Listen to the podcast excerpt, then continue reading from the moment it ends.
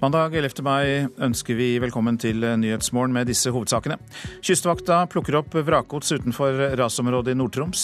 Mer fysisk aktivitet i skolen kan få ned mobbing, mener rektor Bjarte Ramstad ved Trudvang skole i Sogndal.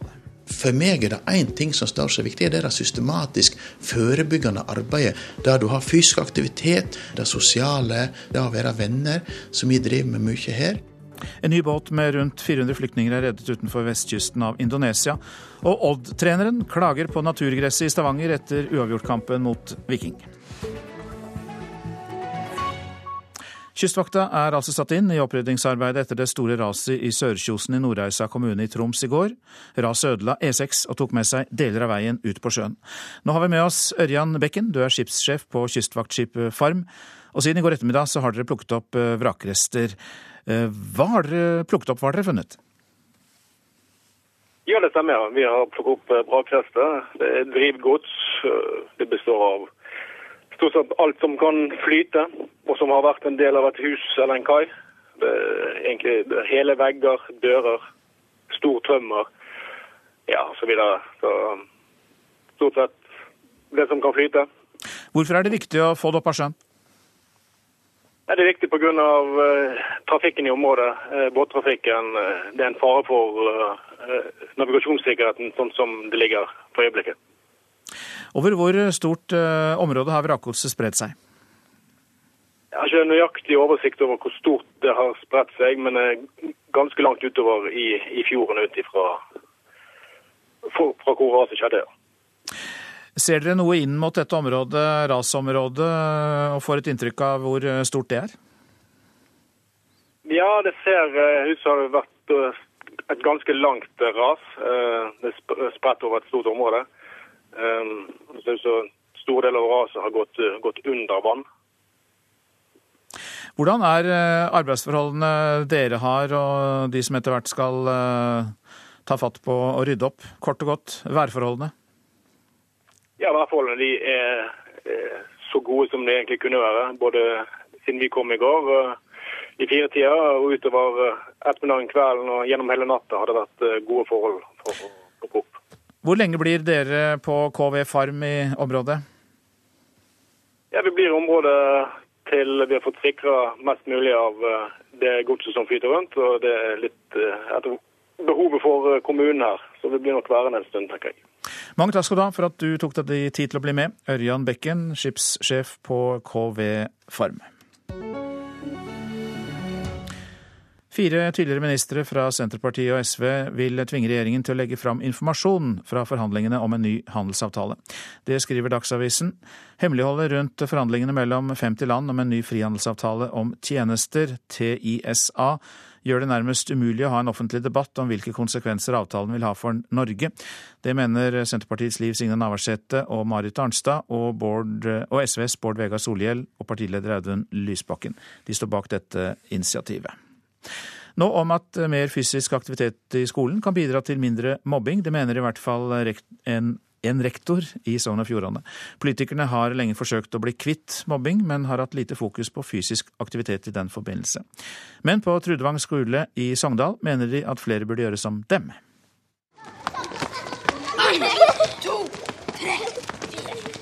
Mattebingo og adjektivstafetter er hverdagen for elevene ved Trudvang skole i Sogndal. Jeg pleier vel å hoppe med egentlig nesten alle i klassen min. Liksom. Jeg hoppa rundt. Hver dag har de minst en halv time fysisk aktivitet med faglig innhold på timeplanen. Så har vi uteskole i første klasse. Vi har òg elevmassasje i første klasse, der elevene masserer hverandre. Og vi er veldig opptatt av det at elevene skal lære seg å være sosialt trygge, samhandle med andre, vite hva som er lov og ikke lov. Sier rektor Bjarte Ramstad.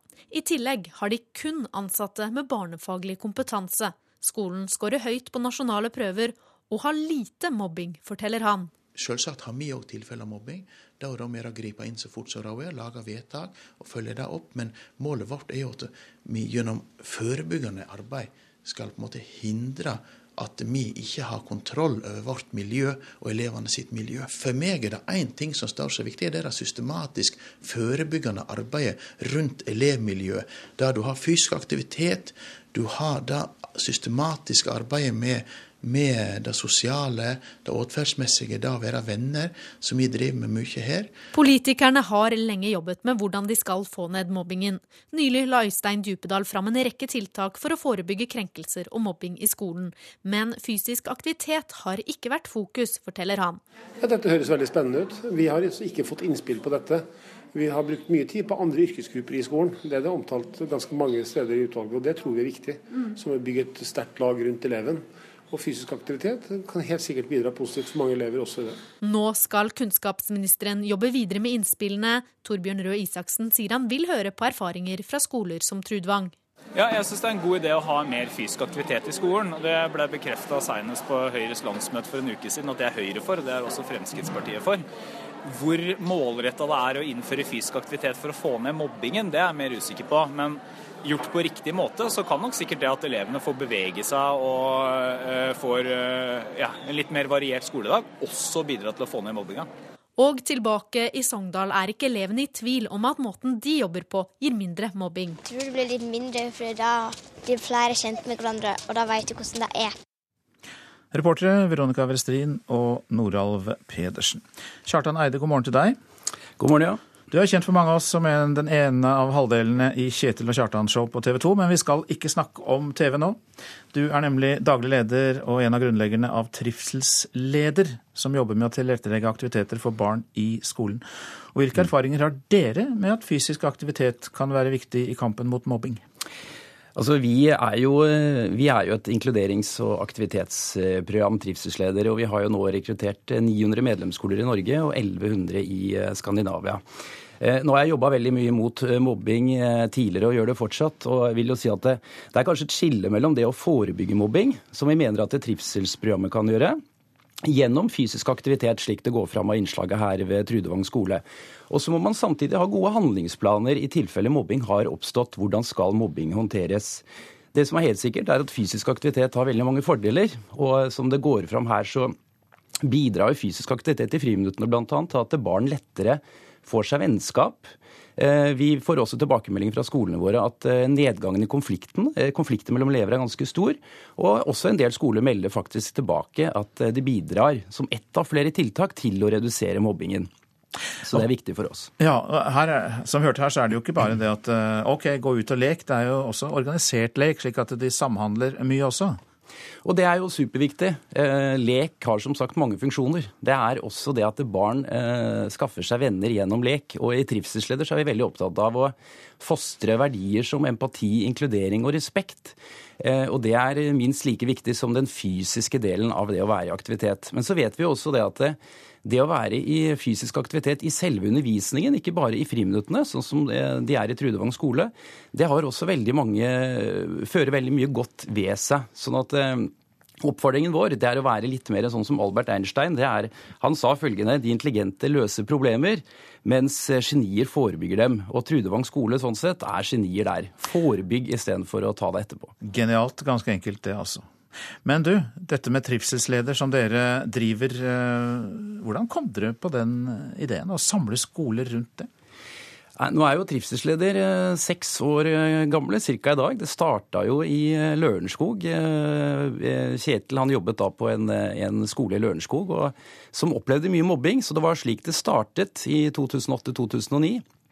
Eh, og mobbingen på den pilotskolen ble også eh, kraftig redusert etter innføringen av bl.a. aktivitetsledelse, men også andre tiltak eh, i kampen mot mobbing.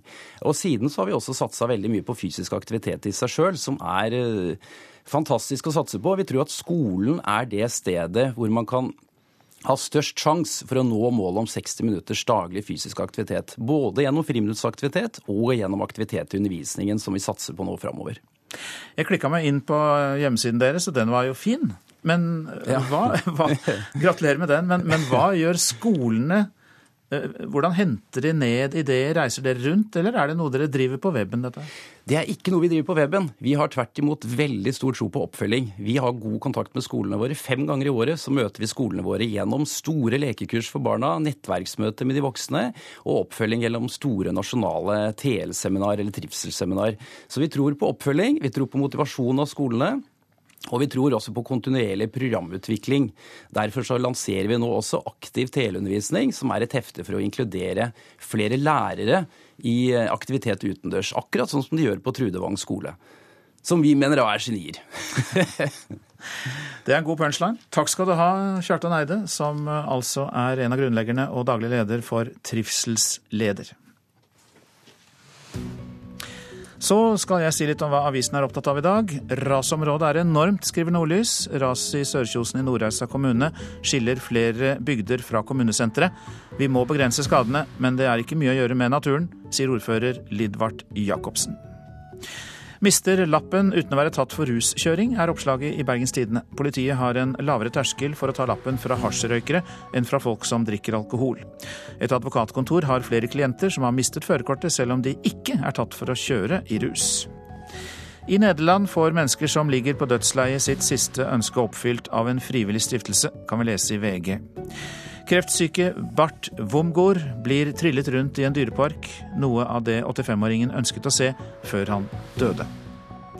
I Oslo og Akershus ble 157 spisesteder sjekket, og kun 40 ble godkjent, kan vi lese i Aftenposten. Mattilsynet mente at det kunne være helsefarlig å spise på flere av dem. Matsøl og skitt, rått kjøtt og grønnsaker oppbevart sammen, dårlig nedkjøling av mat, det var noen av ankepunktene. Jeg nøler ikke med å drepe, sier en norsk soldat som kjemper mot den islamske staten. Mike, som Dagbladet kaller ham, har bakgrunn fra Telemark-bataljonen og kjempet i Afghanistan. Nå kriger han sammen med kurderne mot IS i Irak. Han ble frelst av en norsk predikant. Nå skaper han krise i Burundi, skriver Vårt Land. Da Arild Edvardsen talte, ble Pierre Nkura Sisa frelst, men nå er han president og skaper frykt og kaos i det sentralafrikanske landet, der flere er drept og 40 000 er drevet på flukt. Ingen bør kjøpe Nordeas grønne aksjekuponger, sier førsteamanuensis i finans ved Universitetet i Tromsø, Espen Sirnes. Til Dagens Næringsliv sier han at spareproduktet er ekstremt komplisert. Nordea er ikke enig, for av de 22 grønne aksjekupongene som har forfalt, har 21 gitt avkastning, sier de. Bare én av fem støtter klima over industri, kan Klassekampen fortelle i dag. Det er viktigere å bevare arbeidsplasser enn å kutte klimautslipp, mener et stort flertall i en meningsmåling. Nå til fotballens verden. Odd-trener Dag Eiliv Fagermo vil ha kunstgress på alle eliteseriearenaer. Han gir naturgresset på Viking stadion mye av skylda for at både Odd og Molde har slitt i Stavanger de to siste serierundene. Jeg visste at det er vår her ennå, og at det vil hoppe og sprette litt. Og det har Viking tatt konsekvensen av. Det så jeg mot Molde forrige helg. Eh, og det prøvde vi jo, og derfor var vi gode fra start av. Men så begynner vi å legge ballen ned og så skal spille mer. Og så får vi da gunstige brudd for Viking sin del mot oss, og så skaper de da sjanse på det. Men når vi snakker hopp og sprett, snakker du om, om underlaget? Ja. Det er ikke gæren den her, må ikke misforstå. Det er ikke ræva bane, jeg sier ikke det. Men jeg sier at uh, våren, spesielt på våren, i de byene som har gress, så vil de ikke få ut den fotballen de står inne for fordi at hopper og spretter. Og Molde tok jo konsekvensen av det. De tok jo vekk gresset og la kunstgress, og ble seriemestere igjen. Burde Viking gjøre det? Jeg mener alle burde gjøre det. Viking og Brann og Lillestrøm. og Du hører jo selv hvor dumt det låter. Dette er jo den beste banen i landet, for faen. Den er jo strøket. Sier en hoderystende vikingtrener Kjell Jonevret. Bør alle ha kunstgress? Alle bør ha naturgress. Vi bor jo ikke på Nordpolen, liksom. Men jeg syns det er kjempetråkig at det ikke finnes gressbaner i Kristiansand, og ikke i Molde, Ålesund, og for den skulle ikke i Skien heller. Men, eh, men, det er som det har blitt. Jeg er ingen motstander til kunstgress, absolutt ikke. Men, men, i så fall bør vel de legge samme kunstgress overalt, for det er enda mer forskjell på kunstgresset rundt om. Så at, nei, det er bare en dårlig unnskyldning for at de ikke fikk til det da. Da får jeg hjem og trene. Denne rapporten fikk vi fra reporter Lars Navestad. Dette er Nyhetsmorgen, og klokka den nærmer seg kvart på sju. Dette er hovedsaker. Kystvakta er satt inn i oppryddingsarbeidet etter det store raset i Sørkjosen i Nordreisa kommune i Troms i går. Raset ødela E6 og tok med seg deler av veien ut på sjøen. Mer fysisk aktivitet i skolen kan bidra til mindre mobbing, mener rektor ved Trudvang skole i Sogndal. Vi vil høre på erfaringene derfra, sier kunnskapsminister Torbjørn Røe Isaksen. Og tre av fire nordmenn slutter opp om grunnlovsjubileet i 2014. Mer om det litt seinere. Nå om det som foregår utenfor kysten av Indonesia. Der er minst 1000 båtflyktninger reddet etter at de forsøkte å flykte fra Myanmar. Minst 25 000 statsløse fra rohingya-befolkningen har ifølge FN flyktet bare i år, og mange ender med å bli solgt som slaver i nabolandene. Og hva flykter de fra, Asia-korrespondent Peter Svaar? Dette er mennesker som er statsløse, som ikke har pass, og som i Myanmar ikke juridisk eksisterer, og som derfor er fritt vilt. Det er mennesker som er drevet fra sine hjem, og som flykter fra en nedrig, fattigslig, farlig tilværelse i Myanmars Rakhine-stat, der 140 000 muslimske rohingya er internt fordrevne og plassert i flyktningleire. Rohingyaene er muslimer og har fått beskjed om at de kun kan bli borgere av Myanmar dersom de skifter eh, klassifisering til eh, bengali, noe de aller fleste av dem nekter å gjøre. Og Dermed legger de ut på en lang flukt med et håp om å nå Malaysia, som er muslimsk. Men veien dit med båt er ikke noe mindre farlig enn å krysse Middelhavet langs den thailandske kysten. Og så ble det i forrige uke oppdaget eh, det man antar er massegraver for rohingya men det skjedde da sør i Thailand, på grensen til Malaysia. Fortell meg mer om det. Ja, I mange år har jo båtflyktninger blitt utnyttet på det groveste i nabolandene, og spesielt i Thailand. Det er ingen som bryr seg om skjebnen til en papirløs eh, rohingya. Og det har gjort dem sårbare for slavehandlere og for menneskesmuglere. De lokkes med arbeid, men ender mange av dem med å bli tatt som gissel, hvor familiene hjemme får beskjed om å betale om eh, deres eh, sønn eller far ikke skal bli drept. Mange av dem ender også i rent slavearbeid. Og flere av dem jobber bare noen hundre meter fra sandstrendene der norske turister koser seg på ferie i Thailand, f.eks. i Phuket, hvor rohingyaene tvinges til å spa ut nye tomter for hoteller eller jobbe på kokosplantasjer. Og disse massegravene som nå er oppdaget, antas jo å komme fra eh, mennesker som eh, sannsynligvis er tatt som gissel av menneskesmuglerne. Hvordan håndterer Thailand eh, disse båtflyktningene? Ja, nå Etter at disse massegravene ble oppdaget, har Thailand tatt uh, synlige grep for å forsøke å vise at de rydder opp i dette skitne samspillet som har eksistert mellom menneskesmuglerne, korrupte thailandske politifolk og den thailandske marinen. Det er flere politifolk de siste dagene som er flyttet på, noen få menneskesmuglere som har blitt arrestert. Men sannheten er at denne virksomheten i mange år har skjedd i et lukrativt og korrupt samspill mellom smuglere og thailandske myndigheter. Nyhetsbyrået Reuters avslørte for to år siden hvordan thailandske marineoffiserer fikk betalt rundt 400 norske kroner per rohingya de greide å fakke i båtene ute til sjøs. Flyktningene har forsvunnet i hopetall fra Thailands såkalte flyktningsentre. Og de få thailandske journalistene som har prøvd å skrive om dette, har blitt møtt med søksmål, hvor to av dem fra avisen Puketvan risikerer syv års fengsel i en rettssak som kommer opp i midten av juli måned denne sommeren. Peter Svaar, Asia-korrespondent, takk skal du ha for denne oppdateringen. Fem kosvalbanere kosovo-albanere ledet den væpnede gruppen som støtte sammen med politiet i den makedonske byen Komanovo i helgen.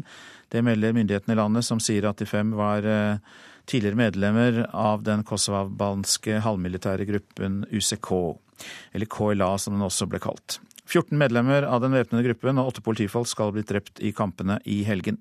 Kun én av de uniformerte opprørerne er formelt identifisert, melder BBC. Nord-Korea kan eh, bygge fullt ut operative ubåter med ballistiske missiler innen to eller tre år. Det mener sørkoreanske militære. Nord-Korea opplyste lørdag om en vellykket prøveutskyting av eh, et, eh, en rakett fra en ubåt. Foreldrenes holdning til pengebruk kan ha stor effekt på hvor økonomisk bevisste barna blir, tror forbrukerøkonom i DNB Silje Sandmæl. Norske foreldre må bli flinkere til å gi faste lommepenger til barna, sier hun. De barna som får faste lommepenger eller har egen inntekt, de sløser mindre, og de har en langt bedre oversikt enn de barna som bare får penger nå da. En ny undersøking Respons Analyse har gjennomført for DNB, viser at nordmenn er dårligst i Norden på å gi lommepenger regelmessig til barna. Forbrukerøkonom Silje Sandmæl mener det kan ha uheldige konsekvenser. Barna bør få faste penger og ikke litt nå og da, sier hun. Og det er for å forberede de til voksentilværelsen. De ser jo ikke utgifter i dag fordi alt er eh, elektronisk. I tillegg må foreldre snakke med barna om penger i husholdet. De bør bli fortalt hva som kommer inn og hva som går ut av penger i heimen. Men barna bør også gjøre seg fortjent til pengene ved å jobbe, sier Sandmæl. Det høres kanskje, kanskje, litt alvorlig ut, men det handler jo om at eh, lommepenger er barnas første inntekt. Så det blir litt mer eh, hva skal jeg si, at barna føler seg litt mer forpliktet til å gjøre oppgavene de er satt til å gjøre. Og i tillegg så må man da reflektere summen med de utgiftene de faktisk skal ha ansvaret for. Men det er ikke bare foreldre ene og alene som bør ha ansvaret for økonomien til barna, mener hun. At Skolen bør eh, ta mer ansvar, fordi dessverre så er det ikke sånn at alle foreldre har forutsetninger til å lære opp barna sine i, eh, i økonomi. Som med alt annet er foreldre også rollemodeller når det gjelder økonomi, sier Sandmæl. Og når vi selv er eh, dårlige med økonomien vår, og når vi også da bare gir penger til barna når de spør om det, så det få noen eh, konsekvenser senere for, for barna som kan være uheldig. Reporter her Hibba Samadawi. Det er ikke saklig grunnlag for lønnsnivået til lederne i samvirkeselskapene. Det mener gårdbruker og senterpartipolitiker Per Olaf Lundteigen. Konsernsjefen i Tine, Hanne Refsholt, fikk i fjor et lønnshopp på 280 000 kroner. Tolv ganger større enn hva bøndene krevde i årets eh, jordbruksoppgjør, skriver Nasjonen. Topplederne i Tine, Nortura og Felleskjøpet har alle en lønn på om lag 2,7 millioner kroner. Men disse lederlønningene er nødvendige for å trekke til seg kompetente folk. Ja, det er svaret som kommer fra samvirkebedriftene selv. Alle norske barnefilmer i år har premiere i løpet av noen få måneder på høsten. Dersom du vil se norsk film med barna nå i vår og sommer, så må du se gamle filmer hjemme i sofaen. Dette er håpløst, det mener i hvert fall flere kinosjefer. De foreslår at Filminstituttet skal være med på å bestemme når en film skal komme på kino.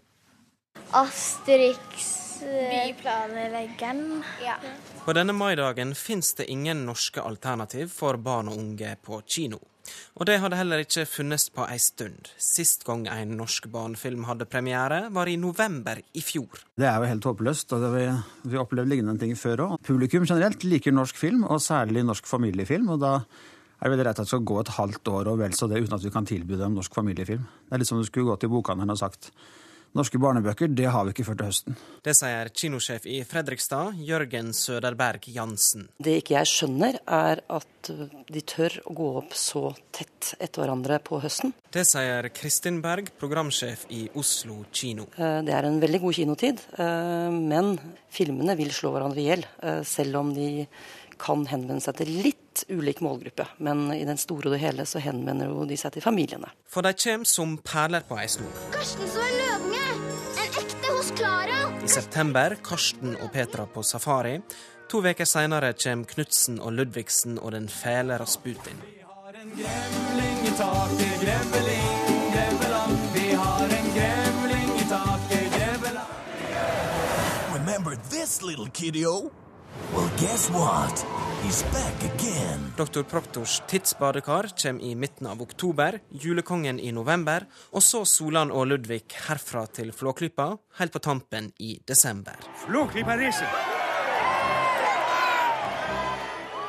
Vi skal slå det knæ i støvlene. Nå mener kinosjefene at Norsk Filminstitutt må få lov å være med å bestemme når filmene skal komme på kino, slik at en får norsk barnefilm hele året. Eh, så Det beste hadde vært hvis produsentene klarte å ha si, selvdisiplin, men så lenge man klarer det, så bør Filminstituttet få mulighet til å si at når du får ti millioner av oss, så skal vi være med å og påvirke når filmen har premiere. Det er et forslag jeg ikke syns noe om i det hele tatt. Um, det er produsenten som finansierer og eh, risikerer ved prosjektet. Og jeg ser ikke noe grunn til å ha en statlig innblanding på, på premieretidspunktene på filmen. Det vil jeg synes er å strekke det for langt. Det sier Cornelia Boysen, som er produsent for både Dr. Proktors Tidsbadekar og Solan og Ludvig herfra til Flåklypa. Hun mener konkurranse fra utlandet er noe av årsaka til at det er få norske barnefilmer på kino i vår. Det er klart at konkurransen i den samme perioden fra eh, utenlandske filmer, deriblant fra amerikanske, har vært så tung at det har vært vanskelig å gå opp med en norsk familiefilm hvis den hadde vært ferdig eh, på det tidspunktet. Norsk eh, Filminstitutt skriver i en kommentar til NRK at lansering og distribusjon ikke er instituttets ansvar. Reporter Lars Ivar Nordahl. Tre av fire nordmenn sluttet opp om grunnlovsjubileet i fjor, viser en ny forskningsrapport. Men den mest passive gruppa var unge voksne, som ikke husker så mye av fjorårets feiring. Ingenting. Ingenting. Nei. Jeg jobba. og lite. Det var noe styr på Eidsvoll, men eh, jeg kan ikke si jeg fulgte med så mye på det. Så var det, noe, det var en del på NRK, eh, minutt for minutt, med han eh, bergenseren. Kjære Frank Aarebrot, inn. Fortell oss vår historie. 200 år minutt for minutt var en av fjorårets store suksesser, viser forskningsrapporten. Den er laget av KIFO, Institutt for kirke, religion og livssynsforskning. Tre millioner nordmenn har deltatt på ett eller flere arrangement, eller fulgt med på nett, fjernsyn og radio. Det er imponerende, sier forsker Olaf Ågedal. Det som eh, også eh, forundrer meg, er at så mange har deltatt i typisk med sånn kunnskapsorienterte eh, arrangement, hørt på foredrag, sett på utstillinger. Veldig høye tall. Grunnlovsjubileets absolutte høydepunkt var det barna som sto for. Det jeg husker, det er den der fantastiske dansen på Supernytt. For jeg har barn, og den så vi om igjen og om igjen. La meg fortelle om Norges historie, om grunnlovsmennene og alt det de gjorde. De satte seg sammen alle 112 og laget lov for Norge her på Eidsvoll i 400 år. Øverste ansvarlig for hele grunnlovsjubileet, stortingspresident Olemic Thommessen fra Høyre, mener det er lett å forklare hvorfor målet om å nå barn og unge bare delvis ble oppfylt. Så tror jeg ikke vi er de eneste som sliter med å fange studenter. og eh, de i den aldersgruppen som jo er på skal vi si, i etableringsfasen i så mange sammenhenger, både jobb og familie og allting. Et annet mål for jubileumsåret var å dra inn hele landet i feiringen. Tallene viser faktisk at deltakinga er nesten like stor over hele landet, og like stor i byer som på bygd. Stortingspresident Olemic Thommessen er spesielt fornøyd med ett av hovedfunnene i undersøkelsen antallet nordmenn som eh, vet hvorfor vi feirer 17. mai, har økt enormt. Tidligere var det 52% som visste at 17. Eh, mai handlet om å feire Grunnloven. Etter eh, grunnlovsjubileet er det 70% og for meg betyr det at vi har nådd frem med noe veldig viktig til svært mange nordmenn. Glem aldri hvorfor. 17. mai! Hva de er godt for. 17. mai! Rop det ut som i Eidsås haller. Enige og tro til Dovre faller. Ja, En og tro til Dovre faller, som eh, ble laget for NRK Super i forbindelse med grunnlovsjubileet. Reporter Tone Staude. Værvarselet nå. Fjellet i Sør-Norge først. Sørlig stiv kuling utsatte steder. Regn, seinere regnbyger. Snø over 1200 meter. Østafjells på kysten perioder med sørlig liten kuling. Skyet vær. Det blir litt regn. I kveld regnbyger. Rogaland sørlig liten kuling utsatte steder. Først på dagen opp i sterk kuling på kysten i nord. Det blir regn i Rogaland, i kveld regnbyger. Hordaland og Sogn og Fjordane. Sørlig opp i sterk kuling på kysten. Fra seint i ettermiddag liten kuling, stiv kuling i nord. Regn i kveld, regnbyger. Snø i høyfjellet. Så går vi til Møre og Romsdal. Der blir det også regn. Fra i formiddag opp i stiv kuling i sør, og etter hvert regnbyger. Snø i høyfjellet. Trøndelag etter hvert regn, vesentlig da i ytre strøk, snø i høyfjellet. Nordland sørøstlig periodevis liten kuling utsatte steder. Enkelte regnbyger, men der blir det perioder med sol i dag. Fra i ettermiddag regn som brer seg fra sør. Troms vestlig liten kuling på kysten. Regnbyger. I kveld blir det oppholdsvær i Troms. Finnmark på kysten sørvestlig stiv kuling. I formiddag dreiende vestlig. Regnbyger. Få byger på vidda. I kveld stort sett oppholdsvær. Så var det Nordensjøland på Spitsbergen. Der blir det også stort sett oppholdsvær i dag. Temperaturer, og disse ble målt klokka fem i natt. Svalbard lufthavn minus fem grader. Kirkenes og Alta begge pluss fem. Tromsø-Langnes fire. Bodø og Brønnøysund fem grader. Trondheim-Værnes og Molde begge sju grader. Så var det Bergen-Flesland, Stavanger og Kristiansand-Kjevik. Alle tre hadde ni grader i natt. Gardermoen og Lillehammer fire grader. Mens eh, Røros hadde tre, og Oslo-Blindern hadde fem grader.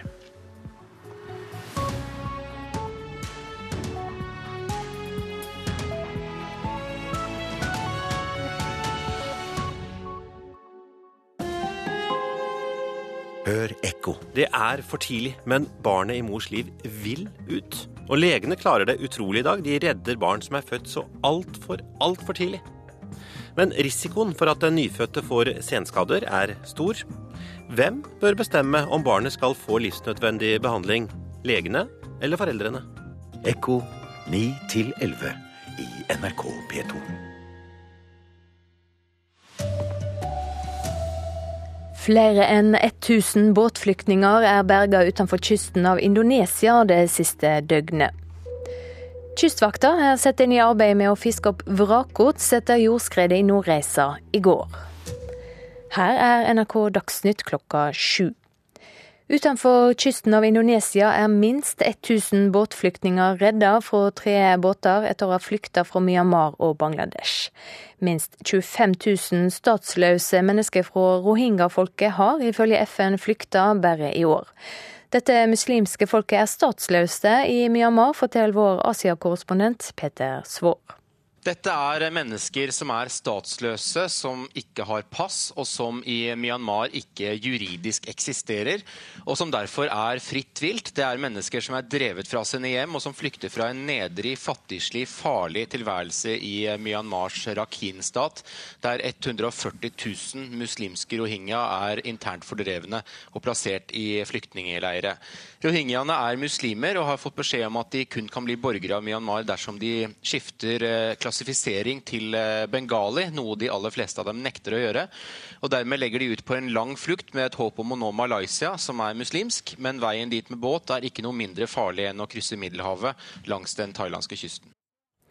Kystvakta er satt inn i oppryddingsarbeidet etter det store raset i Sør-Kjosen i Nordreisa kommune i Troms i går. Raset ødela E6 og tok med seg deler av veien ut på sjøen, i tillegg til flere kaianlegg og sjøhus.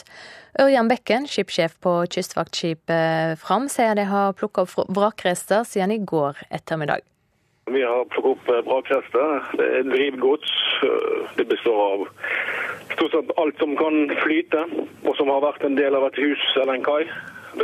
Egentlig hele vegger, dører, stor tømmer. Ser dere noe inn mot dette området, rasområdet, og får et inntrykk av hvor stort det er? Ja, det ser ut som det har vært eh, et ganske langt ras. Eh, det er spredt over et stort område. Eh, det ser ut som stor del av raset har gått, gått under vann. Intervjuer Øystein Heggen. Det var fem kosovo-albanere som leder den væpna gruppa som støtter sammen med politiet i den makedonske byen Komanovo i helga.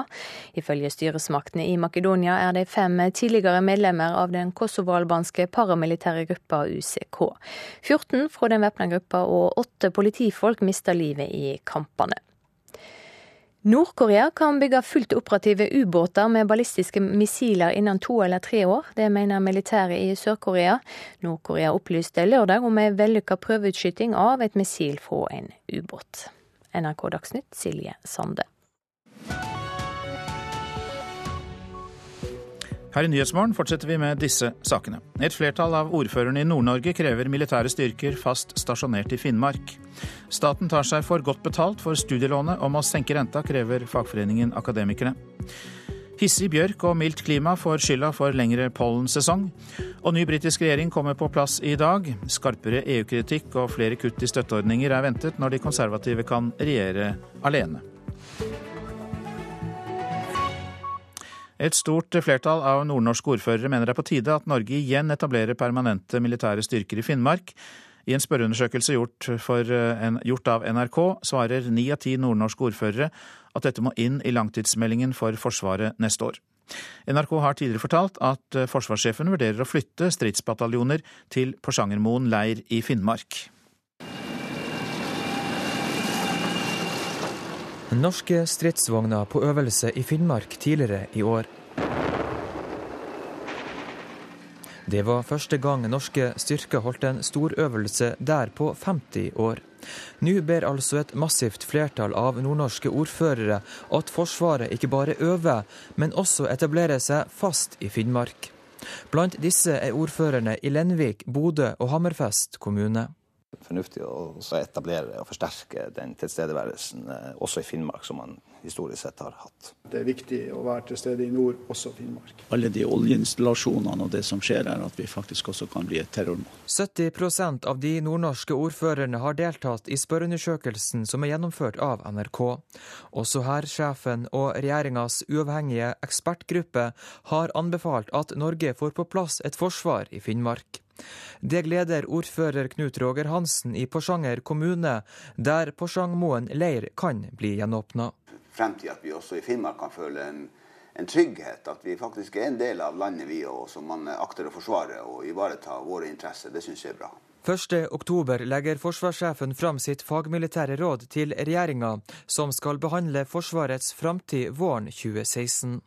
Lenvik-ordfører og leder i Troms Høyre, Geir Inge Sivertsen, tror ikke det å flytte Forsvaret nærmere Russland vil provosere Putin. Det ser ikke på som, som noe stort problem. Forsvarsminister Ine Eriksen Søreide sier i en kommentar at hun er glad for alle innspill til den nye langtidsplanen for Forsvaret. Reporter Adrian Dahl Johansen. Staten tar seg for godt betalt for studielånet om å senke renta. Det krever fagforeningen Akademikerne. Uten påslag på lånerenta så kunne utdanningslånet hatt en rente som ville ha vært 1,1% lavere enn i dag. Også blant studentene i Oslo er det mange som krever at utdanningen må bli rimeligere. Det er jo tungt. Ta et langt studie. Det lønner seg for samfunnet at vi har en utdannet befolkning. Det bør lønne seg litt for oss også. Men det er jo selvfølgelig, man vil jo gjerne at alt skal være rimeligere da, for seg sjøl. Vi godt kunne satt den renten litt hos en belønning, da, når vi da bruker fem år av livet vårt på å studere. Vi hadde vært litt mer fair. På universitetsområdet Blindern i Oslo er det mange studenter som misliker at staten nå tar mer penger for lånene til studentene. Det gjøres gjennom et påslag på studielånsrenta. Et påslag som fra nyttår ligger på 1,25 prosentpoeng. Vi er siste års studenter, så nå skal vi ut i arbeidslivet og faktisk begynne å betale på der. Uten påslaget ville Lånekassens flytende rente ligget på under 1,1% Men fordi staten skal ha sitt, må studentene ut med 2,33% rente. For en nyutdannet med 400 000 i lån utgjør forskjellen 5000-lapper årlig. Altså Påslaget må ned. Det må de bare slutte med. Sier Knut Årbakke, leder i Akademikerne. Det å ha gode lånevilkår i Statens eh, lånekasse for utdanning, det er viktig. For det skal motivere alle til å kunne ta en utdanning, uavhengig av økonomisk bakgrunn. Er det noe dere kan kreve kompensert i f.eks. lønnsoppgjør? Ikke bare i lønnsoppgjør, men også i andre sammenhenger. Og Skulle det bli sånn at eh, den belastningen det er å sitte med 300 500 000 i studiegjeld når man er ferdig utdannet, blir større, så må vi jo få kompensert det på en eller annen måte. Så det følger vi nøye.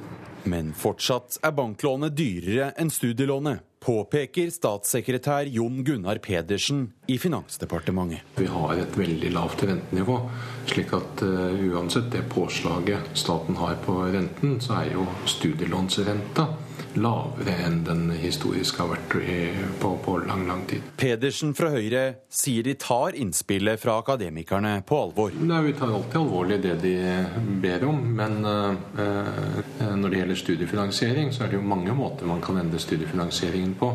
Rentene er bare én av dem. Kan, man kan se på stipendandel, man kan se på hvor mange måneder i år man får eh, stipendene, man kan se på andre forbedringer.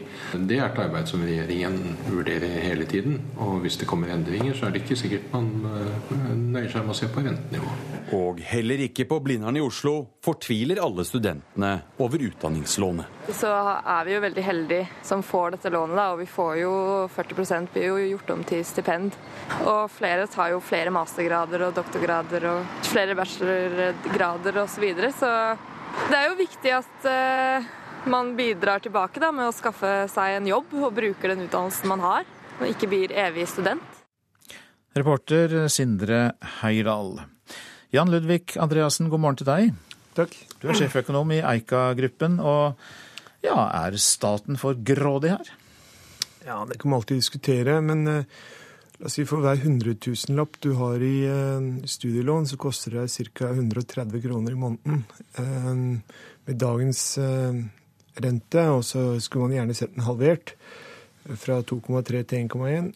Men jeg tror de fleste bør være glad for at vi har en så raus ordning. Og så er jo utfordringen at den kanskje er så raus at det leder til misbruk. Og jeg vil bare anbefale alle studenter om å spare mest mulig av studielånet, fordi det er dyrebar egenkapital man kan ha med seg senere i livet når man skal f.eks. kjøpe bolig. Men er ikke det litt feil, at man bruker studielånet til eh, bolig, det er jo noe som burde gått med til den daglige driften av å være student?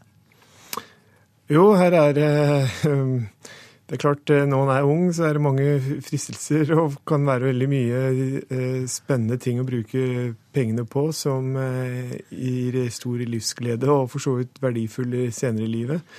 Men jeg tenker veldig på studielånet som en Altså, det er utrolig billig lån uten sikkerhet for noe som helst. Ren egenkapital eh, som du kan da prøve å ta mest mulig vare på siden. Uten at jeg da skal ta fra studentene fredagspilsen. Jo, men det du sier er at det er eh, et billig lån, at det er 130 kroner i måneden per 100 000 lån, altså i eh, renter. Og noe av det kan settes av til eh, bolig i all verdens land. Hva mener du da om kravet fra akademikerne om at renta må ned? Ja, så her er det to ting. For det første vil jeg understreke hvor billig det er. Egenkapitalkravene Egenkapital eh, koster 5-10 eh, og kanskje mer. Her får du det for 2,2 eh, før skatt. Um, så det er bare å låne mest mulig, hvis du klarer å sette ting eh, til side. Eh, det andre er jo akademikerne som fagforening. Eh, nå har jo eh, marginpåslaget økt litt. Og at de kan kreve noe kompensasjon for sine medlemmer ved lønnsoppgjøret, det er en annen skål. Og det, mm. det har jeg forståelse for. Ja, så at dette nærmest blir en del av lønnsoppgjøret, at de også sørger for de som er unge medlemmer, nye medlemmer i Akademikerne, og som har med seg mye lån. Ja, så det er jo klart at det er en separat sak akademikerne må ta, hvor mye de skal kreve i kompensasjon for innstramninger i boliglånene. Og Så er det da dette påslaget som staten da tjener kan vi si, i anførselstegn, på dette studielånet. Hvordan bør de pengene forvaltes, syns du? Jeg tror ikke staten tjener noe særlig på dette. Det er, eh, og vi skal huske på beløpet er ganske store. Er, statens lånekasse nærmer seg 150 milliarder kroner. Eh, og det er en del mislighold. Eh, sånn at eh, dette her er ikke noen sånn superprofit for den norske stat. Da blir det siste ord i denne omgang. Takk for at du kom til Nyhetsmorgen, Jan Ludvig Andreassen, som er sjeføkonom i Eika-gruppen. Du lytter til Nyhetsmorgen, og klokka den nærmer seg 7.13. Dette er hovedsaker. Et flertall av ordførerne i Nord-Norge krever permanente militære styrker i Finnmark. Pollensesongen starter nå flere måneder tidligere enn før. Det skal vi høre mer om. Staten tar seg for godt betalt for studielånet om å senke renta. Det hørte vi at fagforeningen Akademikerne krever. Og eh, vi skal også høre mer om den nye britiske regjeringen som kommer på plass i dag. Men nå om pollen. Mens pollenallergikerne kunne puste fritt fram til april stort sett, så kan de nå få problemer så tidlig som i februar. Mye av årsaken er at bjørka sprer seg. Flere barn og unge rømmer fra lavlandet, noen av dem til eh, Geilo. Sjuendeklassingen Stine Knutsen kan være ute og spille fotball på Geilo. Det er ikke dagligdags for hun hjemme i Bergen på våren. Da blir hun slått ut av pollenallergien. Jeg blir veldig forkjølet, og jeg, jeg føler meg ikke bra. Jeg blir kanskje litt kvalm og sånn. Sammen med 25 andre barn og ungdom er hun nå på Geilmo barnesykehus i den verste pollentida. Her kan de også gå på skolen og ta tentamen og eksamen. Ofte hvis jeg ikke kommer hit, så blir jeg masse syk og er mye mindre på skolen enn det jeg kan når jeg er her. Og da lærer jeg mer hvis jeg er her. Nå ser vi det da, at denne eh, her, den begynner å bli litt sånn uh, stor og begynner å bli litt løsere i kanten. sånn. Pollenanalytiker Halvard Ramfjord ved pollenvarslinga i Trondheim viser frem ei bjørk som er full av pollen. Når det da blir vind og det svinger fram og tilbake, så kommer pollenet ut i lufta. Siden 1925 har bjørkebestanden her i landet tredobla seg. Noe av grunnen er at den trekker lenger opp på fjellet som følge av mildere vintre. Men vekstforholdene for bjørk har også blitt bedre fordi mer og mer kulturlandskap gror igjen når det er færre dyr på beite. Pollensesongen er nå mye lengre enn før. Man starta nå eh, vanligvis i slutten av februar, mens man tidligere starta ned mot april. Da. Så det er jo ganske stor forskjell. Mens slutten av pollensesongen, når burota er ferdig, og sånn, det er jo rundt 25. august, og det ligger fast.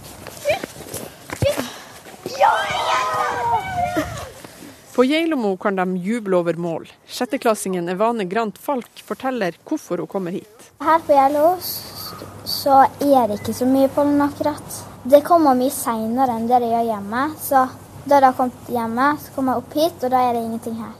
Og for dem som ikke har mulighet til å rømme fra pollenet, kan det være greit å høre Ramfjord sitt varsel for fremtida. Lengst i sør kan vi si, så er vi nå eh, oppå toppen og litt over toppen av bjørkepollenspredninga. Eh, det vil etter hvert forta seg. og I Oslo, så når man kommer til 17. mai-toget, det er som regel over det verste i lavlandet. Mens i, her i Trøndelag har det akkurat her er det på topp nå, eller vil bli på topp i de nærmeste dagene. Og Går man lenger nord, så eh, har det ikke starta ennå i Nordland. Der begynner det sånn den 12.-13. mai eller noe sånt. Og så Går man lenger nord, så må man over til den 25. eller noe sånt. Da begynner det i Tromsø og i Kirkenes. Ja, slik er bjørkepollenets vandring rundt i landet. Reportere Helge Karlsen og Eva Marie Bullai og kommunikasjonsrådgiver i Norges Astma- og Allergiforbund, Lene Gunvaldsen, god morgen. Ja, Bjørka blir jo hengt ut som verstingen her. Hva er årsaken til at bjørkepollen rammer så hardt? Eh, ja, det, det, er fordi at eh, for det første så sprer bjørka veldig mye pollen. Det, han slipper mye i forhold til mange av de andre. Og i tillegg så er selve pollenet i bjørka veldig aggressivt. Det er veldig potent. Så, så, folk kjenner det veldig godt. Er det klimaendringene vi skal henge det på her? Ja, mye av det er det. Eh, det er jo som de sier i reportasjen, og som Halvor sier, at det, er, det gjør at det, fordi det blir mildere, så begynner sesongen tidligere. Men det påvirker ikke lengden, fordi at fra juni, når gresset kommer ut, så er han tilbake til normalen igjen. Så han blir bare lenger, i stedet for at han begynner og slutter tidligere. Er det andre planter og vekster som eh, brer seg og bidrar til økt ubehag? Eh, ja, eh, vi ser jo at eh, den beiskambrosia, ragweed som den heter på engelsk, den begynner å spre seg nordover. Eh, den eh, er registrert i Sør-Sverige nå, så han vandrer nordover. og den er veldig kraftig. Den vil da komme etter burot, så hvis den begynner å komme til Norge, så vil pollensesongen bli enda lenger. Hvordan ser den ut? Du, den er i familie med, med buroten, så, så, det er en sånn gressplante som vokser på bakken. Noe å være obs på, ja. Ja, han ligner på den. Men eh, tilbake til bjørka. altså Utbredelsen har tredoblet seg siden 1925. Eh, er det noe samfunnet kan gjøre for å redusere pollenallergi fra bjørk? Ja, eh, du har jo eh, f.eks. det som de nevner i reportasjen, at det er gjengroing. Eh, det er klart at det gjør jo at det blir mer bjørk, og bjørk sprer seg veldig raskt. Han, han vokser lett. Um, og, og, det sprer seg òg til områder som det ikke har vært bjørk tidligere. Så det gjør jo at flere blir eksponert for bjørkepollene. Og, vi ser at det, forskning viser at sannsynlig økt eksponering gir økt sjanse for utvikling av allergi. Men, men har dere noe forslag til tiltak fra Norges astma- og allergiforbund eh, mot eh, bjørka, da særlig?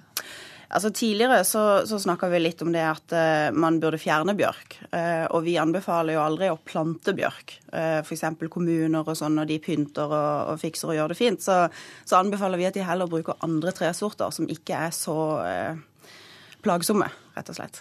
Nå har vi snakket om verstingene. Hva med bestingene? Altså, hvilke, hvilke tresorter bør kommunene rundt forbi plante når de skal gjøre det pent, men som ikke bærer med seg så mye pollen? Rogn f.eks. Det, det er en fin plante med mye farge, men den er ikke noe problematisk for, for allergikere.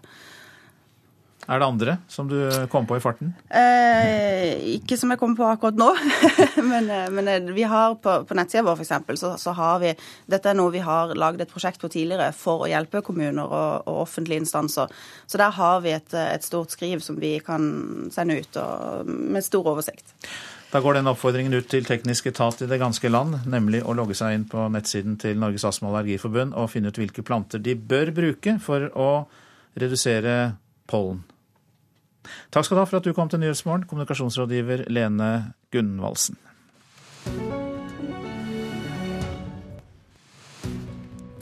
Nå til det avisene er opptatt av i dag. Rasområdet er enormt, skriver Nordlys. Raset i Nordreisa skiller flere bygder fra kommunesenteret. Vi må begrense skadene, men det er ikke mye å gjøre med naturen, sier ordfører i Nordreisa kommune, Lidvard Jacobsen. Miste lappen uten å være tatt for ruskjøring, er oppslaget i Bergens Tidende. Politiet har en lavere terskel for å ta lappen fra hasjrøykere enn fra folk som drikker alkohol. Advokatkontor har flere klienter som har mistet førerkortet, selv om det ikke er tatt for å kjøre i rus. I Nederland får mennesker som ligger på dødsleiet sitt siste ønske oppfylt av en frivillig stiftelse, kan vi lese i VG. Kreftsyke Bart Womgård blir trillet rundt i en dyrepark, noe av det 85-åringen ønsket å se før han døde. I Oslo og Akershus ble 157 spisesteder sjekket, og kun 40 ble godkjent, kan vi lese i Aftenposten. Mattilsynet mente at det kunne være helsefarlig å spise på flere av dem. Matsøl og skitt, rått kjøtt og grønnsaker oppbevart sammen. Dårlig nedkjøling av mat. Det var noen av ankepunktene. Jeg nøler ikke med å drepe, sier en norsk soldat som kjemper mot den islamske staten. Mike, som Dagbladet kaller ham, har bakgrunn fra Telemarkbataljonen og kamper i Afghanistan. Nå kriger han sammen med kurderne mot IS i Irak. Han ble frelst av en norsk predikant. Nå skaper han krise i Burundi, skriver Vårt Land. Da Arild Edvardsen talte, ble Pierre Nkurun Sisa frelst. Men nå er han president og skaper frykt og kaos i det sentralafrikanske landet, der flere er drept og 40 000 er drevet på flukt. Ingen bør kjøpe Nordeas grønne aksjekuponger, sier førsteamanuensis i finans ved Universitetet i Tromsø, Espen Sirnes. Til Dagens Næringsliv sier han at spareproduktet er ekstremt komplisert. Nordea er ikke enig, for av de 22 grønne aksjekupongene som har forfalt, så har 21 gitt avkastning. Bare én av fem støtter klima over industri, kan Klassekampen fortelle. Det er viktigere å bevare arbeidsplasser enn å kutte klimautslipp, mener et stort flertall i en meningsmåling. Å legge alle handelskort på bordet krever fire tidligere rød-grønne statsråder for SV og Senterpartiet. De vil ha mer informasjon fra regjeringen om TISA-forhandlingene mellom 50 land om handel med tjenester. I Polen har den konservative utfordreren Andrzej Duda vunnet første runde i presidentvalget.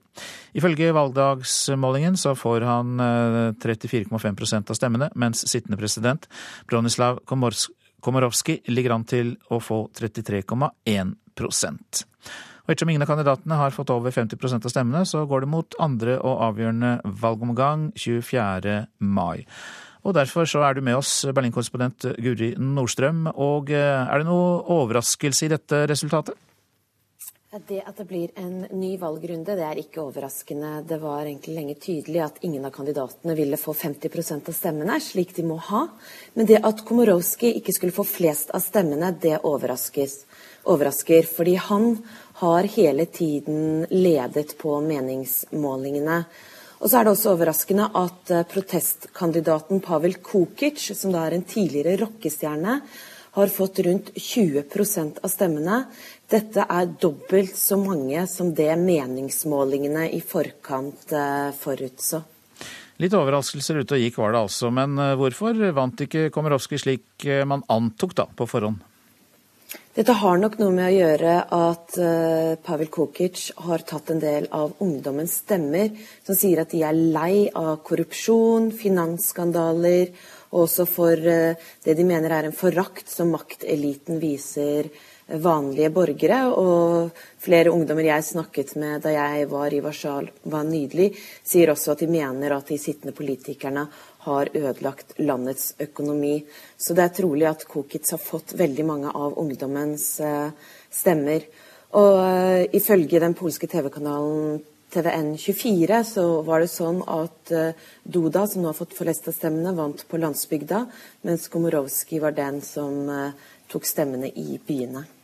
Nå blir det altså en tvekamp mellom eh, disse to. Kan du til slutt eh, plassere dem litt eh, politisk for meg? Jeg ser jo her at Doda er en konservativ utfordrer. Hvor står Komorowski? Altså, De står likevel ganske nær hverandre. Det har jo vært i rivaliserende strid når det gjelder regjeringen, i hvert fall, siden 2008 og sju. Eh, nå kan det hende at eh, Komorowski vinner i andre valgomgang, men det blir likevel ingen parademarsj eh, for han. og disse frontene mellom dem vil nå, trekkes enda hardere i neste, neste runde. Og Duda ser nok kanskje sitt snitt til å å skjerpe retorikken og forsøke å få flere, flest mulig stemmer fra de mange som nå har stemt mot systemet, altså i protest, de som har stemt på, på Kukic. Det er også viktig også å merke seg at tallene vi nå snakker om, refererer til valgdagsmålingene. De offisielle tallene er ennå ikke kommet. Da går det i hvert fall mot en andre avgjørende valgrunde, får vi tro. Uansett eh, det totale resultatet etter eh, valgdagsmålingen og når alt er talt opp. Den er da 24. mai. Guri Nordstrøm eh, i Berlin, takk skal du ha. Norge gir 40 millioner kroner i akutt nødhjelp til Øst-Ukraina. Utenriksminister Børge Brende, som i går kveld reiste til området, sier til VG at den humanitære situasjonen i landet er alvorlig.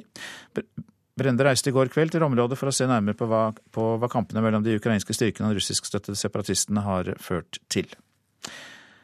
I dag kommer trolig store deler av den eh, første rene konservative regjeringen på over en generasjon på plass i Storbritannia, og den kommer til å gå i gang med flere kontroversielle saker.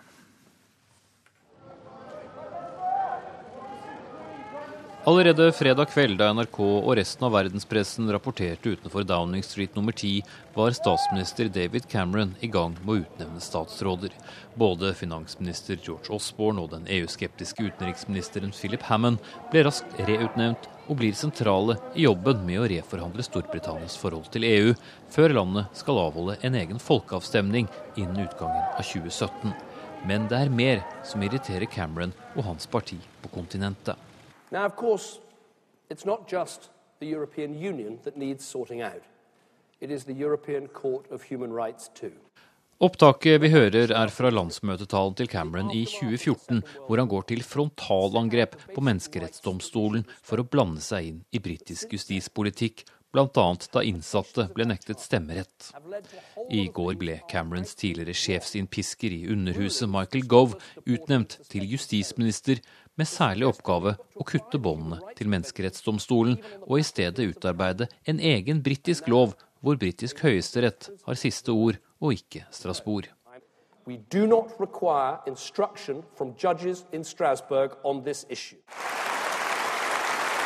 Dette har vært en sak de konservative har ønsket å gjennomføre gjennom hele den forrige regjeringsperioden, men fikk ikke med seg koalisjonspartner Liberaldemokratene. Det samme gjelder en omfattende oppmykning av lovverket som gir overvåkningsmyndighetene langt større tilgang til data og mobiltrafikk enn i dag.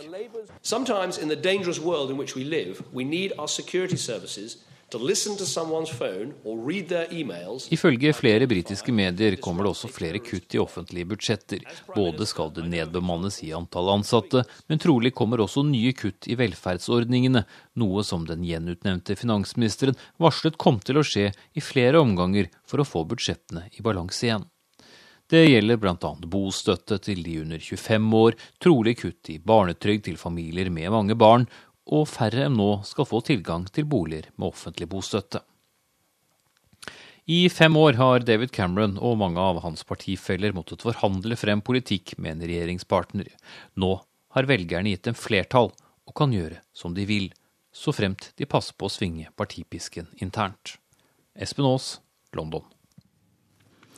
Fem Kosovo-albanere ledet den væpnede gruppen som støtte sammen med politiet i den makedonske byen Komanovo i helgen. Det melder myndighetene i landet, som sier de fem var tidligere medlemmer av den kosovo-albanske halvmilitære gruppa UCK. 14 medlemmer av den væpnede gruppa, åtte politifolk, skal bli drept i kampene i helgen. Kun en av de uniformerte opprørerne er formelt identifisert, melder BBC. Du lytter altså til Nyhetsmorgen, produsent i dag Ingvild Ryssdal. Her i studio Øystein Heggen. Californias urfolk protesterer mot at en massemorder blir erklært som helgen. Mer om det i reportasjen etter Dagsnytt. Og det blir nestledernes politiske kvarter i dag. Arbeiderpartiets Trond Giske, Olaug Bollestad fra KrF og Høyres Bent Høie blir spurt om hvem som skal samarbeide med hvem i norsk politikk. Og så legger vi til at uh, tips eller kommentarer kan jo sendes inn på e-post til adressen 03030 krøllalfa nrk.no, altså 03030 krøllalfa nrk.no.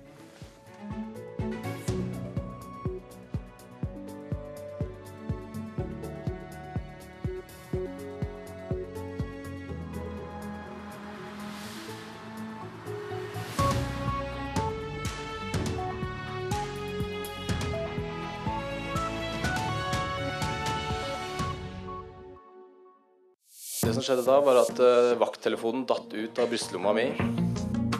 Rett i såret hans. Har du en historie du vil dele med salongens publikum? Bare vent. Dere er nok gravid til jul, skal du se. Vi vil høre den. Det blikket faren min ga meg da, det er det verste jeg har sett. Jeg hadde fått tuberkulose, jeg var smittefarlig. Send historien din til salonghistoria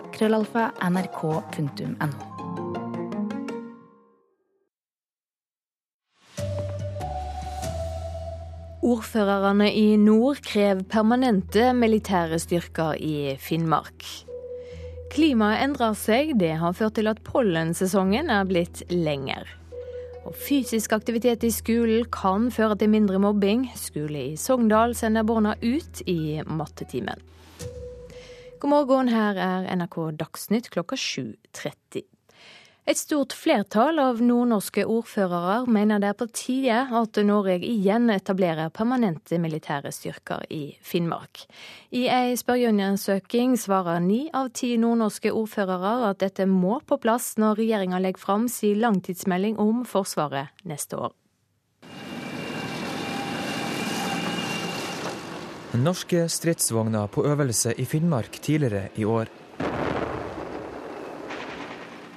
Det var første gang norske styrker holdt en storøvelse der på 50 år. Nå ber altså et massivt flertall av nordnorske ordførere at Forsvaret ikke bare øver, men også etablerer seg fast i Finnmark. Blant disse er ordførerne i Lenvik, Bodø og Hammerfest kommune fornuftig å etablere og forsterke den tilstedeværelsen eh, også i Finnmark, som man historisk sett har hatt. Det er viktig å være til stede i nord, også Finnmark. Alle de oljeinstallasjonene og det som skjer her, at vi faktisk også kan bli et terrormål. 70% av de nordnorske ordførerne har deltatt i spørreundersøkelsen som er gjennomført av NRK. Også hærsjefen og regjeringas uavhengige ekspertgruppe har anbefalt at Norge får på plass et forsvar i Finnmark. Det gleder ordfører Knut Roger Hansen i Porsanger kommune, der Porsangmoen leir kan bli gjenåpna. Frem til at vi også i Finnmark kan føle en, en trygghet, at vi faktisk er en del av landet vi òg, som man akter å forsvare og ivareta våre interesser. Det syns jeg er bra.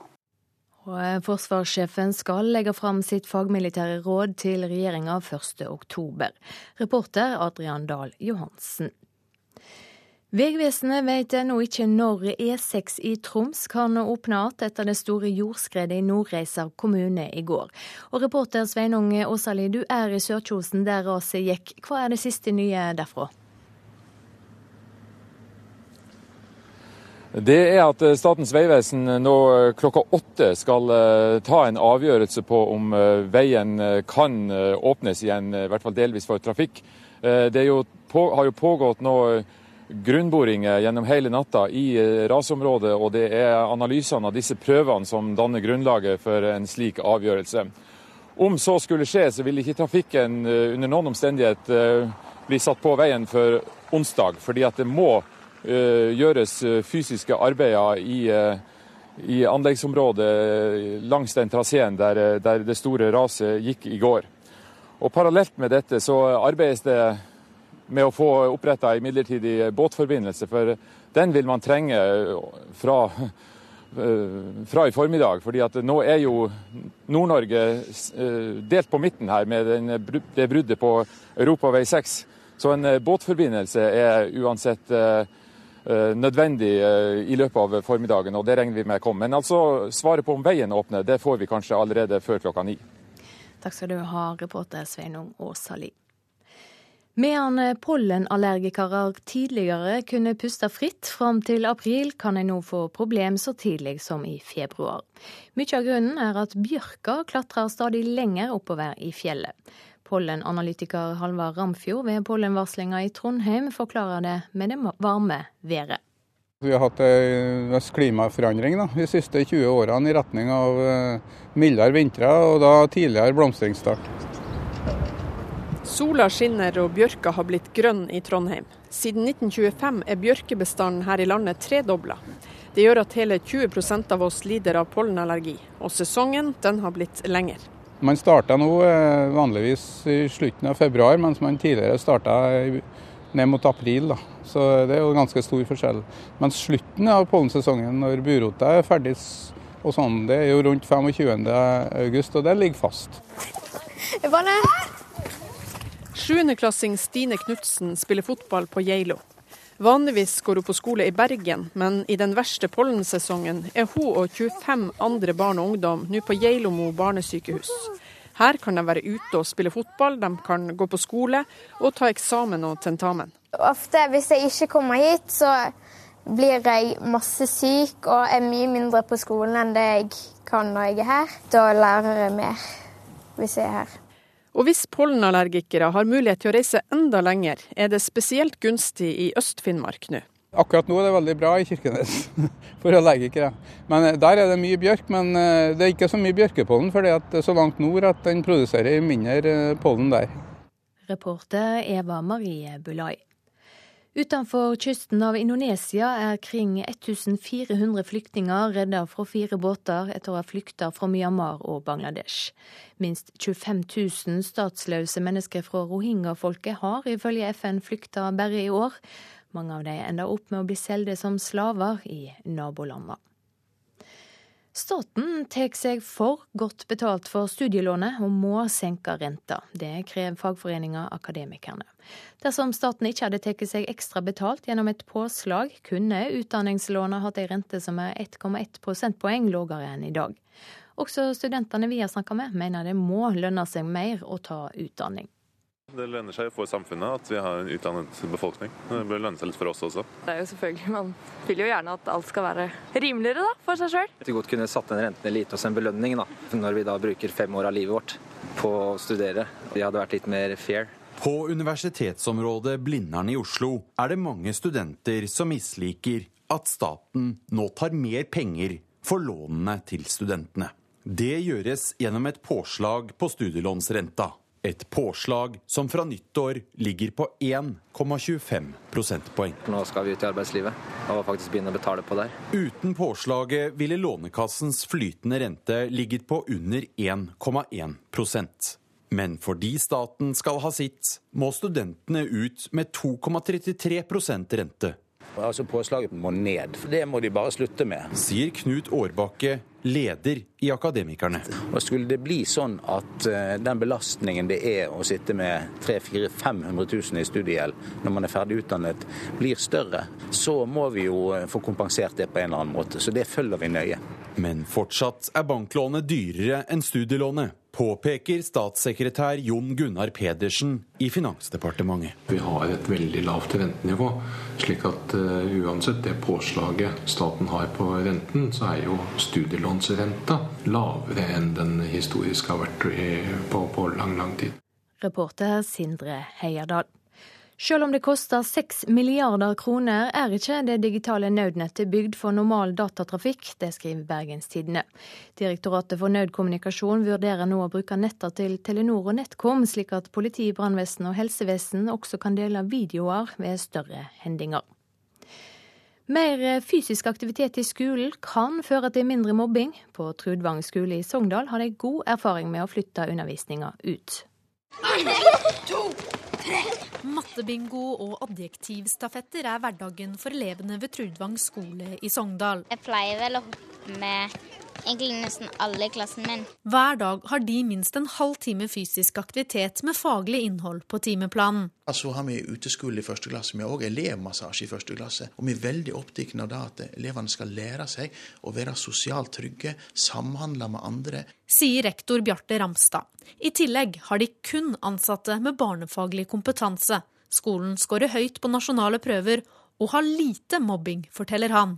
Selvsagt har vi òg tilfeller av mobbing. Da er det mer å gripe inn så fort som råd er, lage vedtak og følge det opp. Men målet vårt er jo at vi gjennom forebyggende arbeid skal på en måte hindre at vi ikke har kontroll over vårt miljø og elevene sitt miljø. Politikerne har lenge jobbet med hvordan de skal få ned mobbingen. Nå skal kunnskapsministeren jobbe videre med en rekke innspill. Torbjørn Røe Isaksen sier han vil høre på erfaringene fra skoler som Trudvang. Ja, jeg syns det er en god idé å ha mer fysisk aktivitet i skolen. Hvor målretta det er å innføre fysisk aktivitet for å få ned mobbingen, det er jeg mer usikker på. Men gjort på riktig måte, så kan nok sikkert det at elevene får bevege seg og uh, får uh, ja, en litt mer variert skoledag, også bidra til å få ned mobbinga. Og tilbake i Sogndal er ikke elevene i tvil om at måten de jobber på, gir mindre mobbing. For da blir flere kjent med hverandre, og da vet du hvordan det er.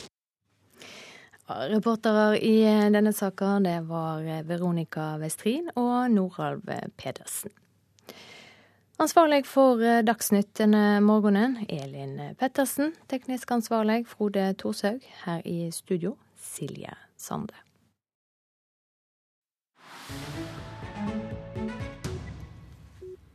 Nyhetsmorgen er programmet du lytter til. I september skal pave Frans besøke USA, og alle planer og formaliteter er på plass. En begivenhet som skjer i Washington DC, er at den spanske presten som kristnet California for 250 år siden, blir erklært som helgen. Men representanter for Californias urfolk er svært kritiske til at det de ser som en massemorder, blir hedret på den måten.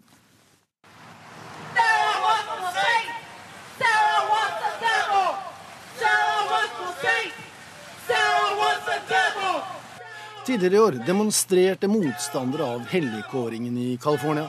Men som vi nå vet forgjeves. Det endrer imidlertid ikke de californiske indianernes grunnsyn. Dette er en skandale. Junipero Serra, som for om lag 250 år siden ledet misjoneringsdelen av det spanske fremstøtet mot dette ukjente nord på den amerikanske vestkysten, var med på å bygge de velkjente Missions, 21 i tallet.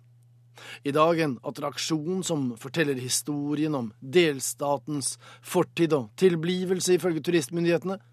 Nei, sier urfolket. Den fortier historien om tvangsarbeid og voldtekt, om sult og tortur. Dette var indianernes plantasjer i anførsel, der de var slaver. De idylliske missiones var konsentrasjonsleire. These missions were concentration camps. These missions were slave camps. These missions were the plantations of our people, where our people were starved to death, our women were raped, our children were raped, our people were tortured and tormented and terrorized and forced to convert to Christianity. Katolske talsmenn i California har en helt annen oppfatning.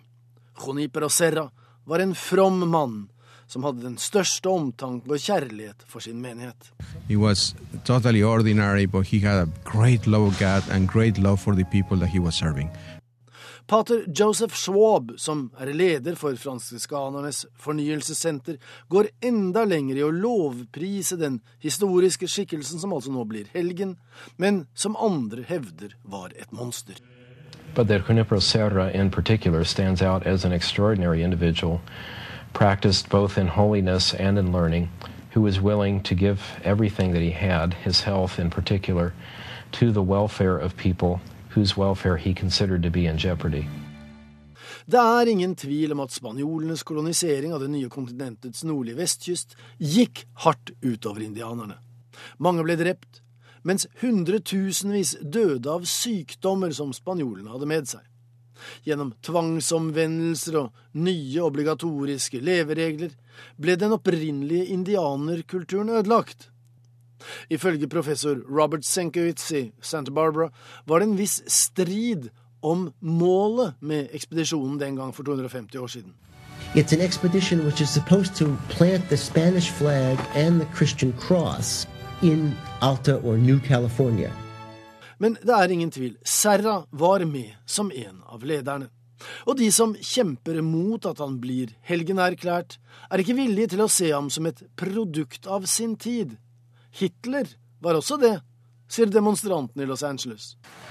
Well, Adolf Hitler. Adolf Hitler. For demonstrantene er det ikke noe nytt at deres bødler og banemenn blir helter og helgener. Det har skjedd før. Indianerne ble ikke hørt denne gangen heller, men de har fått sagt ifra.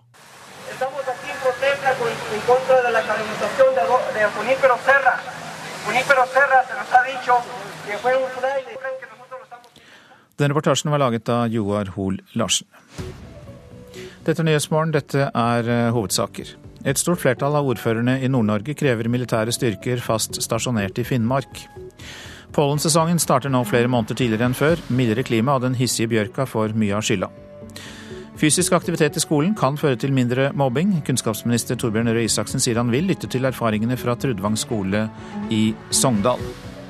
Utenfor kysten av Indonesia er om lag 1400 flyktninger reddet fra fire båter etter å ha flyktet fra Myanmar og fra Bangladesh. Og staten tar seg for godt betalt for studielånet og må senke renta, krever fagforeningen Akademikerne. Så er det Politisk kvarter, og programleder der er Bjørn Myklebust.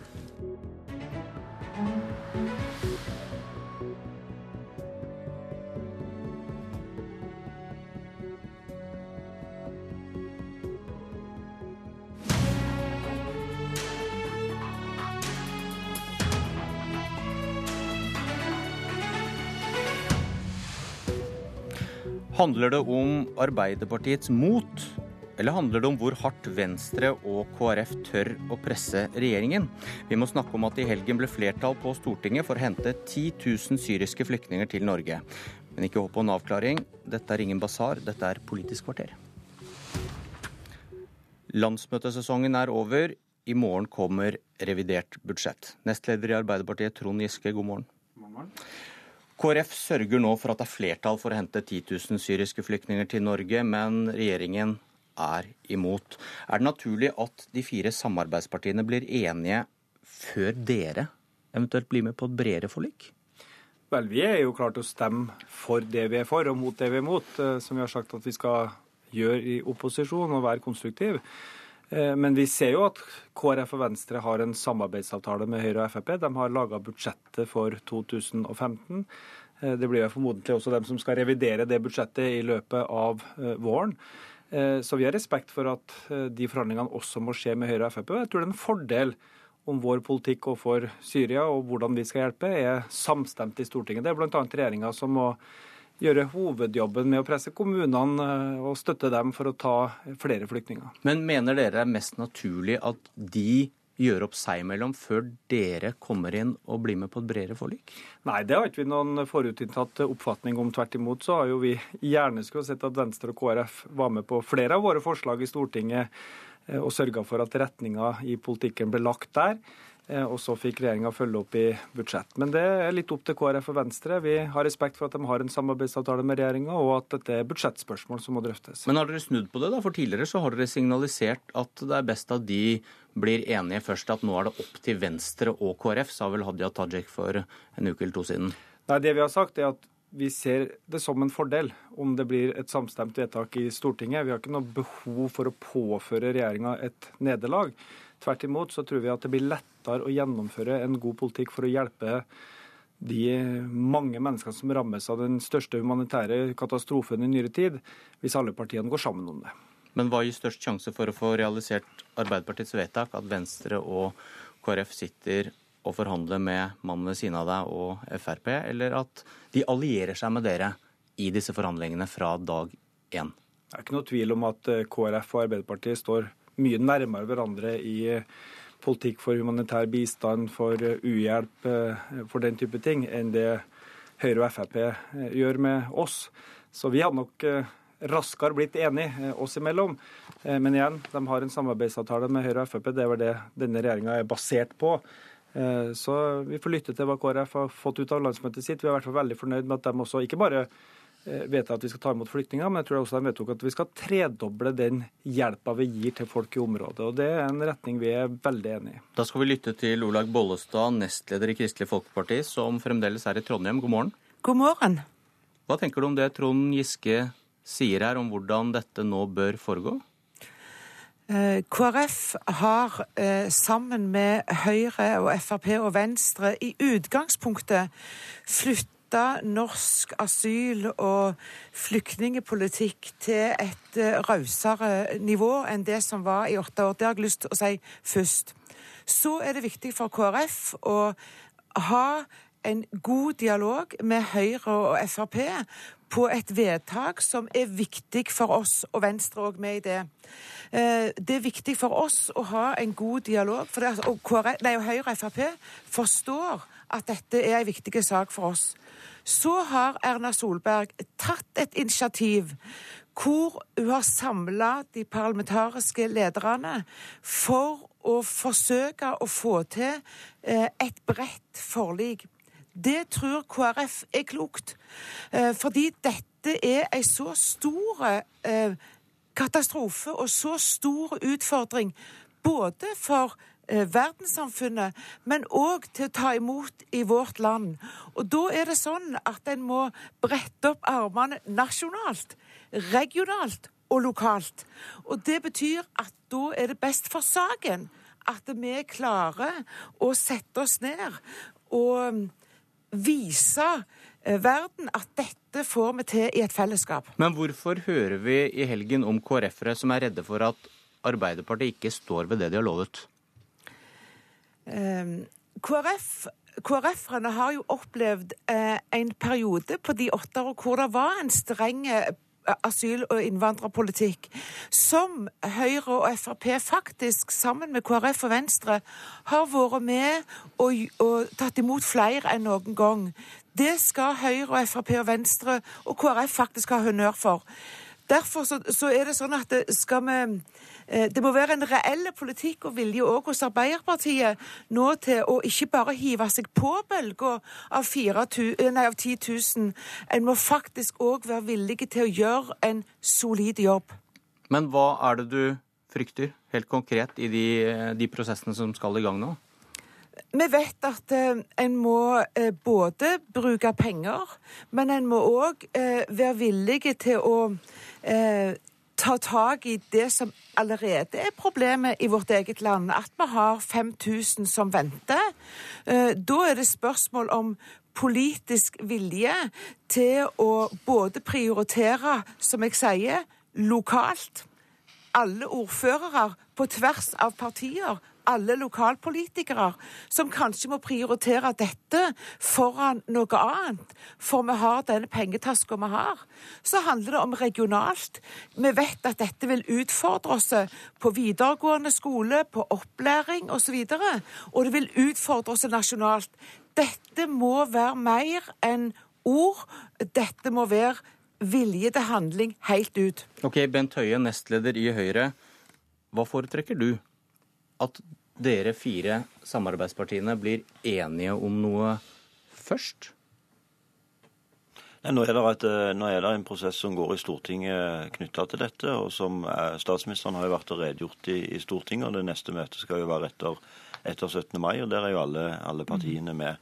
Og Jeg er veldig glad for den tilnærmingen som, uh, som, eh, som, Kristelig Folkeparti her har til denne, når, en, når, når Ole òg her sier at det viktigste her er jo å se på hele utfordringsbildet, og at ikke dette, som er jo en av de verste humanitære katastrofene som vi har sett, reduseres til et uh, politisk spill, men faktisk handler om på hvilken måte vi kan uh, hjelpe best mulig. Og Det oppfatter jeg òg at Arbeiderpartiet er opptatt av. og Da er det jo et godt utgangspunkt for å snakke sammen og finne fram til gode løsninger. Giske.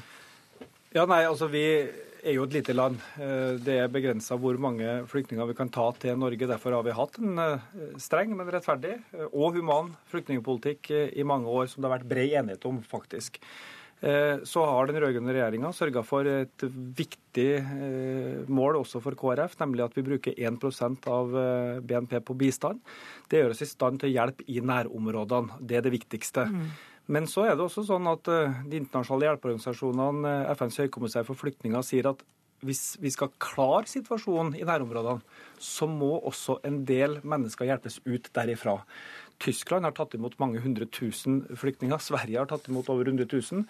Eh, vi må ta i hvert fall en del av dette, og det er det vi ønsker å bidra til. Men Hva sier du til KrF-frykten vi hører om i helgen, om at Arbeiderpartiet ikke vil stå ved det dere har vedtatt?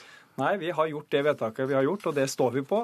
Eh, og hvis KrF ikke får gjennomslag hos eh, regjeringa, så kan de gjerne komme til oss, men samtidig så er det sånn at Men dere skal jo sitte sammen, de skal jo ikke først ja, i regjering. Nettopp. Ja. Men så er det sånn at det er tatt initiativ til å jobbe sammen. Det var et møte i forrige uke, det skal være et møte igjen i neste uke. Eh, så vi ser fram til at alle partier her bretter opp skjorteermene. Dette handler til sjuende og sist ikke så mye om det politiske spillet i Norge. Det handler om mennesker i nød som må hjelpes, mm. og det kan vi gjøre sammen. I helgen sa du til Dagsavisen det som tar måneder med Høyre og Frp, kunne vi blitt enige med KrF om på et kvarter.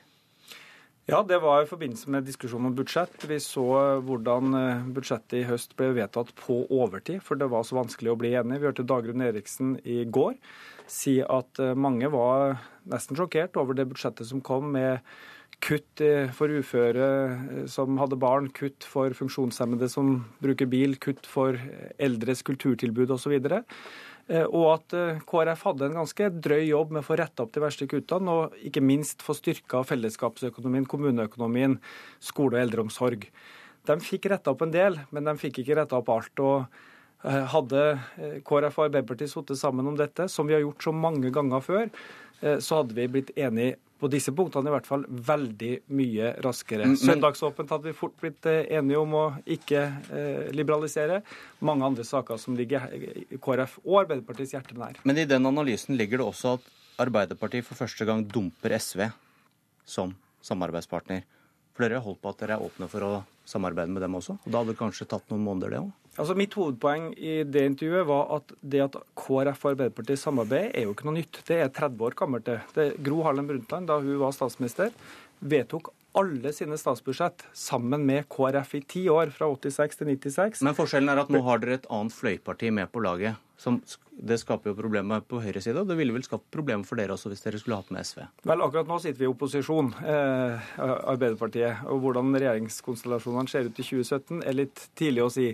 Men det er nok sånn at det at vi satt i regjering sammen med Senterpartiet og SV, KrF var i opposisjon, det at KrF satt i regjering sammen med Høyre og Venstre i årene før der, eh, vi var i opposisjon, har ført KrF og Arbeiderpartiet lenger fra hverandre enn vi var på 80-tallet og 90-tallet. Men i realpolitikken, i viljen til å sette f.eks. skole og eldreomsorg da foran store skattekutt, sørge for en god distriktspolitikk, sørge for god fordeling, løfte de svakeste, der står jo KrF og Arbeiderpartiet veldig nær hverandre, og ja, som jeg sa, kunne blitt enige på et kvarter. Høie, enig på et kvarter?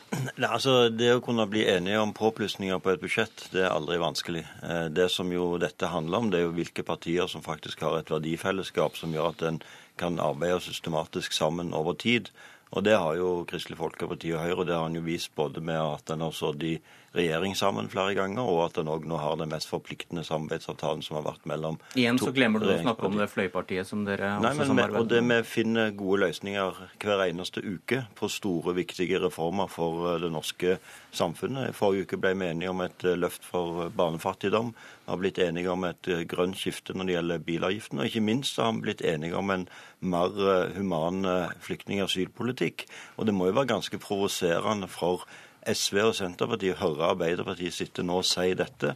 To partier som i åtte år prøvde å få Arbeiderpartiet med på en mer human flyktning- og asylpolitikk uten å klare det. Og nå sier Trond Giske at hvis KrF hadde stilt opp, så skulle vi blitt enige på et kvarter. Alle forstår at den dagen Arbeiderpartiet forhåpentligvis lang, lang tid fram i tid kommer i maktposisjon, så kommer Arbeiderpartiet sin jernhånd fram igjen. Og da er det ikke snakk om noe myk holdning overfor sine samarbeidspartiene. Det tror jeg de de har samarbeidet med, har opplevd. Bollestad, du får være fasit.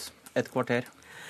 Det som er eh, eh Poenget for KrF er at vi går i samarbeid der vi får mest igjen for politikken vår. Og om vi hadde blitt enige på et, et, eh, kvarter, eh, Trond Giske, det er jeg ikke så sikker på. fordi at eh, vi la fram et budsjett, eller Høyre og Frp la fram et budsjett. Vi var langt ifra fornøyd. Vi forhandla. Dere la fram et budsjett. Og så, når vi hadde kommet med våre ting og våre prioriteringer inn i det blå-blå budsjettet, så kom dere med et revidert budsjett som som var opp mot KrF sitt, både på de påplussingene på ideell sektor, for å nevne noe.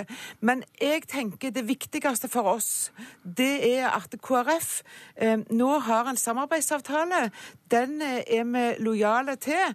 Og i den så står det faktisk òg at vi skal konsultere med Høyre og Frp først. Og hvis vi ikke finner en løsning der, så er vi eh, har vi frihet til å gå til de andre partiene. Det har òg Høyre og Frp.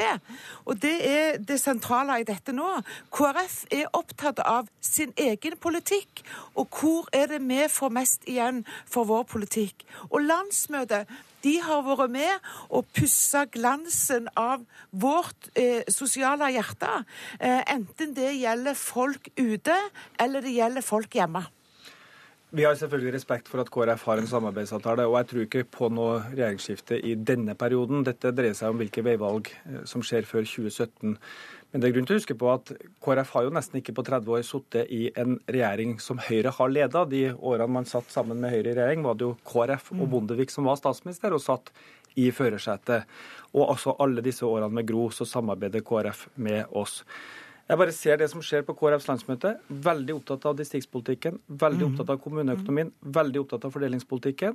Jeg gratulerer Ola Bollestad, okay. Ole Bollestad som nestleder. 20 og jeg sekunder til å oppsummere, kan Bent få et Høie. godt samarbeid rundt de viktige tingene både På, på, 90 KrF. på 90-tallet var den viktigste reformen som Kristelig Folkeparti og Høyre fikk igjennom, det var kontantstøtten. Det var Arbeiderpartiet imot. På 2000-tallet fikk Høyre og- og KrF igjennom en av de viktigste verdibaserte lovene når det gjelder bioteknologi. Det var Arbeiderpartiet imot. Nå er vi for en opptrappingsplan på rusfeltet der Arbeiderpartiet sitt svar er okay. heroin til de rusavhengige. Det er et tydelig skille i norsk politikk.